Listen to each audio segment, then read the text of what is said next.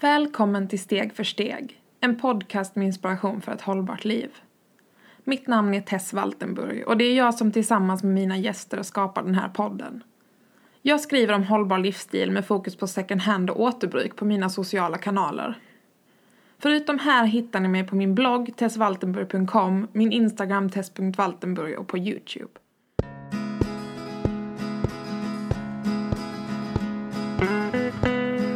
Dagens avsnitt träffar vi Mattias Goldman, Svekos nya hållbarhetschef med många år i branschen bakom sig för att ta del av hans syn på hållbarhet.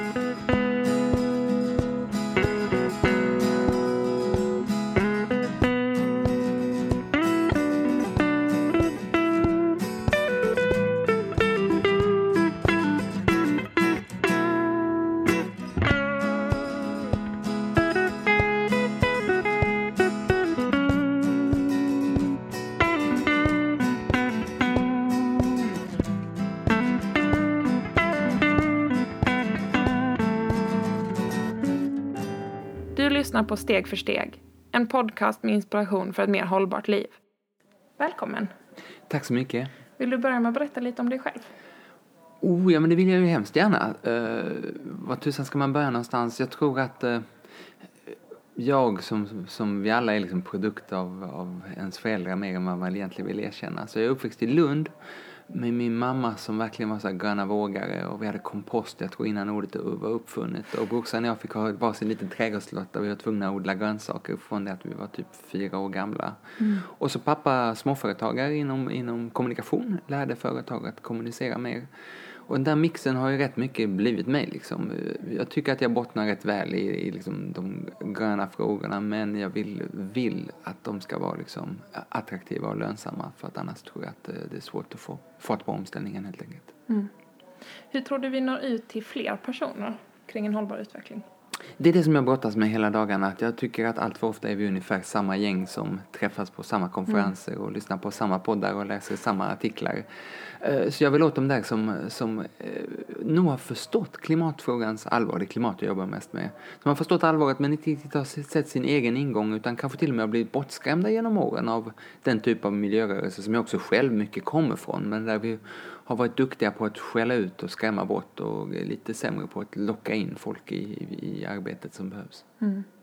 Du har jobbat med väldigt många olika frågor. Eh, vill du berätta lite om ditt arbete som du har gjort hittills? Jag eh, jobbade ett antal år som, som politiker, vilket jag rekommenderar alla att göra det ett tag. Eh, jag var kommunpolitiker för Miljöpartiet där vi styrde Uppsala tillsammans med sossarna och informationsansvarig för samma parti på riksdagen. Sen när jag slutade med partipolitik så eh, har jag fortfarande glädje av varje dag att jag någorlunda kan hur systemet funkar. Men eh, jag gillar bättre att kunna prata med i princip alla partier än att ha ett partis stämpel i pannan. Eh, jag högaktar politiker från nästan alla partier men för mig är det, är det kanske inte exakt rätt roll. Så det blev lobbyist efteråt för klimat och hållbarhetsfrågor, göra det mer lönsamt att ställa om. Och där finns mycket kvar att göra med politiken men vi har kommit en bit i alla fall. Sen efter det så flyttade jag till Kenya och eh, utvecklade småskalig soldriven vattenrening och vindkraftprojekt och liknande. Så att, och där man verkligen tydligt såg hur de mest utsatta blir ännu mer utsatta när klimatförändringarna kommer. Mm. Bönderna där de brukar alltid plantera sin majs första maj. Mm. För att 15 eh, maj så kommer regnen. Och nu kommer regnet ibland den 2 maj och spolar bort majsplantorna. Eller ibland kommer det första juli och då har majsen hunnit torka bort och dö. Så att där ser man verkligen väldigt konkret hur klimatfrågorna är, är här och nu och inte några generationer bort som man ibland kan få för sig.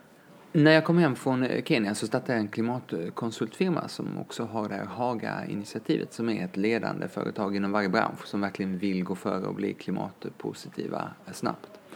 Sen blev jag VD för eh, den gröna liberala tankesmedjan Fores och eh, där vi verkligen har jobbat stenhårt med att göra klimat eh, med Sverige som föregångsland vill jag säga. Att vi står för så liten del av världens klimatpåverkan så vår enda chans att göra skillnad är att vara så bra så andra vill ta efter.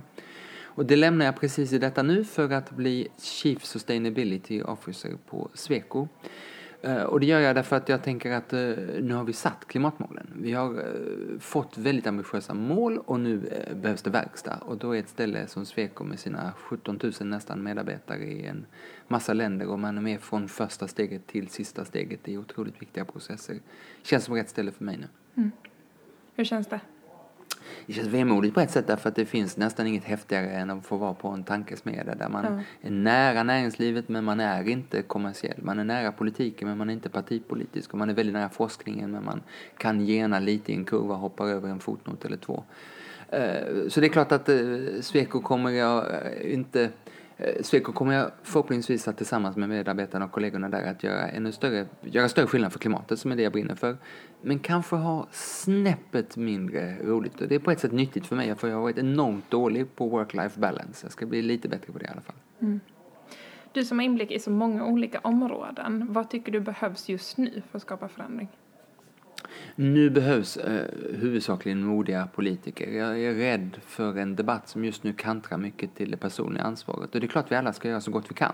Mm. Eh, byta eh, bort produkter med hög klimatpåverkan mot eh, bättre beteenden. Men de riktigt stora förändringarna måste eh, ske politiskt. Det är där man beslutar om styrmedel och lagar och annat. Och jag är rädd att politiken håller på att tappa ledningen i detta. Mm. Jag ser företag som jag tycker går långt snabbare än politiken och jag ser, jag ser politik som har satt tuffa klimatmål men som än så länge i alla fall inte har levererat färdplanen som gör att vi ens kommer i närheten av dem. Så det viktigaste nu är ett eh, ständigt tryck för politiken och eh, och på alla partierna. Det, det, finns ju ett åttonde parti men alla de andra sju partierna står bakom klimatlagen. Mm. Och då ska de få veta det hela tiden, att vi förväntar oss att de levererar. Från Vänsterpartiet till Moderaterna. Och mm, det har varit svajigt i politiken och på många andra områden backar ju partierna nu och ångrar vad de sa om att vi ska öppna våra hjärtan och allt sånt. Men på klimat har ju faktiskt ingen backat än. Det är bra, men det räcker inte. Nu måste de kliva fram rejält också. Mm. Vi pratar lite om det här personligt ansvar nu. Vad tycker du att man som individ ska göra om man känner klimatångest och vill agera och göra mer för planeten? Jag tror att äh, ångest är en jättedålig drivkraft äh, därför mm. att det är stor risk att man då bara ger upp. Eh, vi behöver känna att eh, omställningen handlar om att skydda det vi eh, tycker är värt att leva för att stranden inte är översvämmad, att skogen inte är uppbrunnen och att framtida generationers förutsättningar inte, inte är förstörda. Och den kampen kräver att man inte hukar sig i rädsla utan sträcker på sig med knuten näve och säger att politiken måste framåt och näringslivet måste framåt. Och politiken vågar ju mer, ju mer vi visar själva att vi ändrar beteende, så de där hänger ihop. När man själv säger nu gör jag en tågsemester eller nu eh, väljer jag bort det röda köttet eller en massa andra saker, då signalerar man till politiken att då kan politiken göra sånt som de för bara några år sedan tyckte att det här kommer våra kärnväljare aldrig att ställa upp på. Mm. Har du sett några förändringar i diskussionen om hållbarhet de senaste åren? Det finns en paradox där tycker jag, som är att eh, för några år sedan var vi faktiskt ganska mycket samma gäng jämt, eh, som vi var inne på för en liten stund sedan. Och nu är det många fler som är med i hållbarhetsdiskussionen och klimatdiskussionen för att den är så affärskritisk för många företag och för att många fler partier än de som för några år sedan brydde sig nu faktiskt bryr sig. Och det betyder paradoxalt nog att, att samtalet är på en lägre nivå. Därför det är många som nyss har börjat samtalet och vi som har hållit på med det här väldigt länge får Eh, ha lite tålamod här, eh, vilket är svårt för det är jättebråttom med klimatfrågan. Men vi får förstå att en del grejer behöver förklaras nästan från början för de som tills alldeles nyss inte tyckte att det här var någon särskilt viktig fråga eller inte riktigt berörde dem. Mm. Och samtidigt inte döda deras engagemang. För det tänker jag att det är så lätt när man själv är insatt att att tänka att ja men gud, liksom, det där räcker ju inte. Precis. Det, det är sjukt svår balans det där tycker jag. Därför att uh, å ena sidan vill jag uppmuntra, och där tycker jag miljörörelsen har varit fel ute. Jag vill uppmuntra varje steg åt rätt riktning. Å andra sidan så vet vi att det krävs rejält snabba utsläppsminskningar nu. Så man kan inte vara nöjd med att folk källsorterar till exempel. Mm. Utan, eller jo det kan man. Men då kan man inte källsortera bara förpackningar utan man måste källsortera resor också och var besparingarna hamnar. Mm. Alltså mycket, mycket mer omfattande förändringar än vad man hittills har gjort kanske. Så där tror jag att man ska, man ska stimulera alla som gör rätt och man ska framförallt stimulera folk som gör rätt av helt andra skäl. Mm. När vi kollar varför sätter folk upp solceller, varför skaffar man en Tesla eller för den del varför cyklar man i Köpenhamn, då är det ju rätt sällan av klimatskäl. Man ska sätta upp solceller för att imponera på grannen kanske. Men, mm. men klimateffekten är där lika fullt. Mm. Och det där är ju häftigt när det är av helt andra skäl. I, i, grunden är vi oss själva närmast, alltid. Om man då känner att jag förverkligar mig själv genom att uh, göra någonting som är bra för klimatet, då kommer det gå väldigt mycket snabbare än om det är det här uppoffrande som jag tror att vi båda många andra familjehåll eh, kommer ifrån och mm. måste lämna bakom oss. Jo, man kanske börjar där, men sen inser man ju ganska snabbt att det ger så himla mycket mer. Det känner jag i alla fall. Man börjar med den här goda viljan att göra någonting för omvärlden, men de flesta har ju kanske inte det incitamentet. Och hur ska vi få med dem? Kanske vi måste prata om hur gött det är att eh, tågluffa eller att ha på sig bra kläder istället för att köpa slit och släng och så vidare och så vidare. Men eh, har du gjort några personliga förändringar som har påverkat dig och din syn på jag tycker att, eh, jag tror att det värsta man kan göra är att upplevas som hycklande. Och jag tror att folk har ögonen på oss som är mycket ute och pratar klimat. Och eh, en god vän till mig, vi kan låta personen vara onämnd, eh, men hade en hög position i, i klimatsammanhang. Men upplevdes inte leva som hen lärde utan eh, hade målat sin båt på ett sätt som gjorde att man, jag nu flera år senare får höra, varför ska jag ta ansvar för de här frågorna när inte ens ministern som det var frågan om mm. gjorde det i sitt? Eller när vi, nästan alla av oss tog tåget till klimatmötet och klimatministern flög dit. Alltså man kan väldigt lätt punktera sin egen trovärdighet och den här trovärdigheten behöver klimatfrågorna att de som är på barrikaderna har kvar. Så därför måste man leva så gott man någonsin kan och när man inte kan det det händer att jag flyger. Jag tog eh, tåget till klimatmötet i Marrakesh men jag tar inte tåget till klimatmötet i Santiago.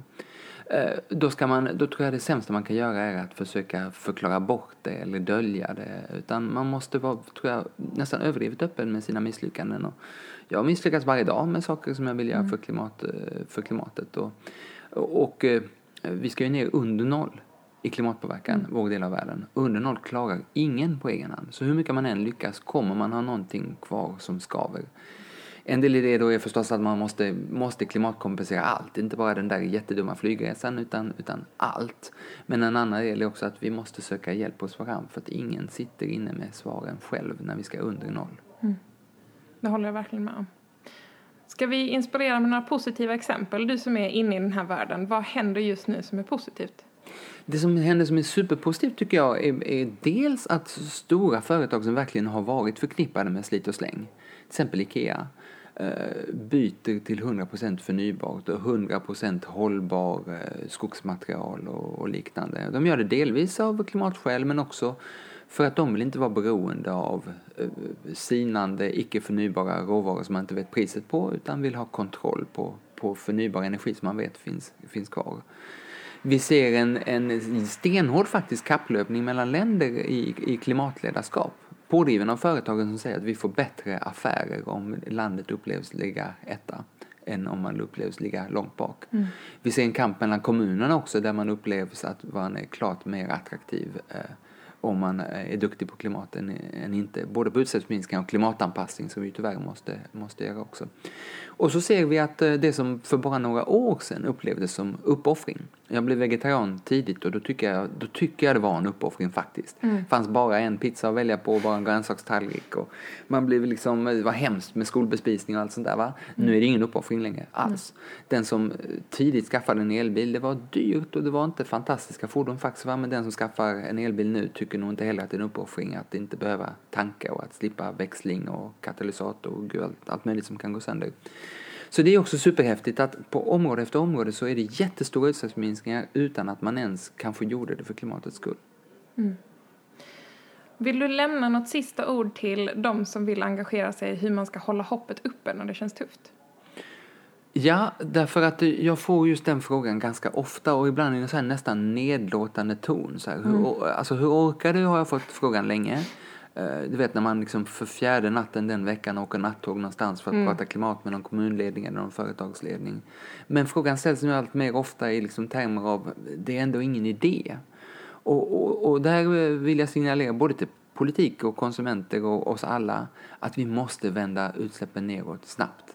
Det är spännande att prata om höghastighetståg och elflyg och fossilfritt stål och allt sånt som kan hända 2040, 2045, 2050. Men vi måste snabbt neråt nu för att vi inte ska tappa eh, trovärdigheten och för att vi inte ska tappa liksom, känslan av att det här kan gå vägen.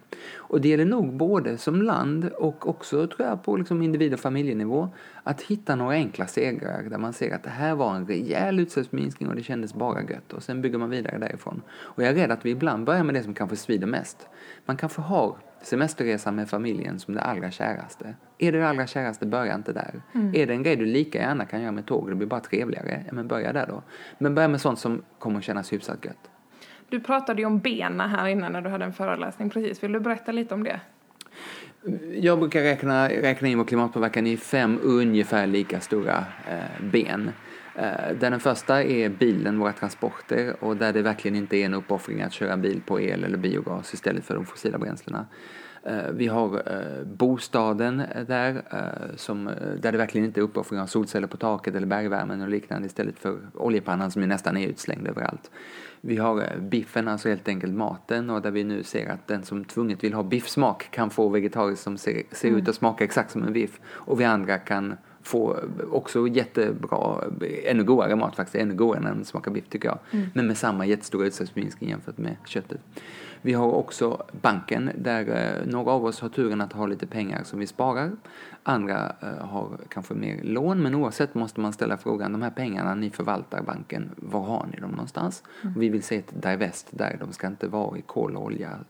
Så vill inte jag att mina pengar jobbar medan jag sover. Och slutligen har vi butiken, vår konsumtion, och den ingår ju inte i Sveriges offentliga klimatmål, utan det är grejer vi kanske köper från Kina eller Frankrike eller vad som helst, och då är det deras formella klimatpåverkan, men det är våran reella. Och det är jätteviktigt att inte skälla ut Kina när deras klimatpåverkan nu ökar utan säga men det var ju på grund av att jag köper en massa kinesiska grejer på de här olika sajterna mm. så att det levereras på e-post dagen eller på e-handel dagen efter. Så de fem benen, när jag tittar på dem, så ser jag på alla områden där så är det ganska lätt att göra de här stora utsläppsminskningarna som man först tänker oj, det där blir ju enormt svårt att klara. Mm. Nu har inte jag, det är länge sedan, men för några år sedan pratade alla om att vi måste tillbaka till stampade jordgolv, eller det var liksom nidbilden av miljörörelsen. Mm. Men den är borta nu. Nu är det snarare liksom ett snabbt tekniksprång och ett snabbt ändrat konsumentbeteende mm. som gör att vi fångar upp den här utsläppsminskningen. Och det tycker jag är fint att det finns så stor mångfald i miljörörelsen idag. Det är allt från personer som vill flytta ut i skogen och bli självförsörjande till stadsbor som lever med ny teknik och försöker hitta nya lösningar här. Att man kan visa att det inte bara är en typ av person som jobbar med hållbarhetsfrågor utan jag gillar den bredden som börjar komma. Ja, det, och, det jätte, alltså, och det skaver också för oss, därför att vi är vana att vara en ganska liten klick. Som mm. när man ska skriva ihop sig om en debattartikel eller ett manifest eller hålla en demonstration, så tycker alla ungefär lika. Men nu har vi ett, ett jättebrett gäng och sju av åtta riksdagspartier som sagt står bakom och vi har plötsligt näringslivstryck med globala storföretag och kvartersbutiken. Eh, så det är, det är liksom väldigt ovant för oss att vi kan vara jätteoense om hur vi ska nå målen. Men målen är vi ju så otroligt ense om och, och det, det, finns ju nog inte i något annat område liksom, i det vi håller på att besluta om att, att vi är så otroligt eniga. Och sen får var och en eh, hitta sitt sätt att, att bli salig och de kommer att se lite olika ut. Mm. Och där tänker jag också att det är så viktigt att ta tillvara på engagemanget och inte döda det genom att det, man tycker att folk inte har kommit tillräckligt långt eller gör det på fel sätt. För att de flesta tar ju de där första stapplande Bambi-stegen. Vilken jättebra liksom. liknelse, precis så är det. Alltså, tänk dig, jag, jag minns, eh, ja, du har också barn ju, mm. och man minns ju ungarnas första steg. Mm. Och de såg ju inte något bra ut, de ramlade på rumpan och sådär, men man var ju superstolt som förälder. Mm. Och, och filmade och ringde till nära och kära och visade upp bilderna och sådär. Och tänk om man hade skällt ut de där första stegen och sagt mm. det där ser ut som skit. Då hade ju, då hade ju ungen, då hade ju ungen ja. liksom gett upp. Och, de, och det är precis det det här också handlar om, att för väldigt många är det fortfarande de första stapplande stegen. Och då mm. får man, eh, alltså driva på ska man förstås göra, det gjorde mm. vi också som föräldrar. Liksom, mm. När de tagit första stapplande stegen, då är vi inte nöjda med att de kryper längre, utan då ska mm. man gå och så småningom ska man springa och så småningom ska man lära sig cykla. Och allt det där driver man ju på som förälder, men man gör det ju inte genom att skälla ut. Nej. Och där tänker jag att det är så viktigt det här med ledarskap, att liksom visa vägen, att uppmuntra, att ta tillvara på engagemang och våga ifrågasätta. Ja, men när man pratar om företag, det finns ju vissa där man kanske känner att det här är bara greenwashing, men det finns också de som genuint försöker, även om det är ett pyttelitet steg, och att man tar tillvara på det, uppmuntrar och visar ledarskap istället för att bara nej, det där var inte, det där var inte tillräckligt. Jag tänker vi har eh, en miljörörelse som genom åren, om man tar bilar som exempel, så liksom först när miljöbilar kom, då var en snål diesel miljöbil, så skaffade många sådana bilar. Och så sa vi, nej men det där är ett fossilt bränsle, det sa vi med rätta. Och då bytte folk till etanolbilar mm. Eh, som ungefär halverar klimatpåverkan. Och så något år senare så fick man utskällning då, ja men det där duger inte för att det kommer från sockerrörsfält där eh, och det kanske inte är tillräckligt bra. Så där då var det några, inte lika många längre, men som sa men då kör jag biogasbilar istället. Det går ju på avfall som vi annars hade spolat bort eller som finns som slam i reningsverken. Och så blev man utskälld då som det där är en förbränningsmotor, det är alltför ineffektivt, du måste ha en elbil. Och så var det några som skaffade en elbil. Och så nu blir de utskällda för att vi har inte riktigt koll, koll på kobolten i Kongo. Mm. Och det är klart att när man får veta att vad man än gör så blir man bara utskälld hela tiden, då till slut tröttnar man ju. Mm. Så det gäller, tror jag, att hitta den där balansen med att liksom ständigt uppmuntra stegen och ständigt trycka framåt så att vi liksom kommer vidare snabbt också. För vi har ju som sagt superbråttom i klimatfrågan. Mm. Vi kanske ska avrunda där nu. Behöver vi båda två. Jag hör musik i bakgrunden. Ja, det är säkert som, som, som spelar här i bakgrunden. Här. Så vill, vi ska gå in och lyssna på henne, tänker jag. Definitivt. Tack så jättemycket för att du gästade podden. Tack för att jag fick vara med.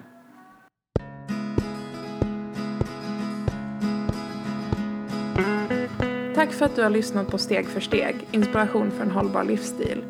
Om du gillar det jag gör får du väldigt gärna stötta mitt arbete på patreon.com slash stegforstegpodcast eller genom att prenumerera på podden där, där du lyssnar på den. Jag skulle även bli väldigt glad om du vill rekommendera podden till någon du tror skulle gilla den, dela den på Facebook eller följa Instagramkontot där jag uppdaterar kring de nya avsnitten. Ha en fortsatt fin dag så hoppas jag att det går bra för dig med din nya gröna livsstil.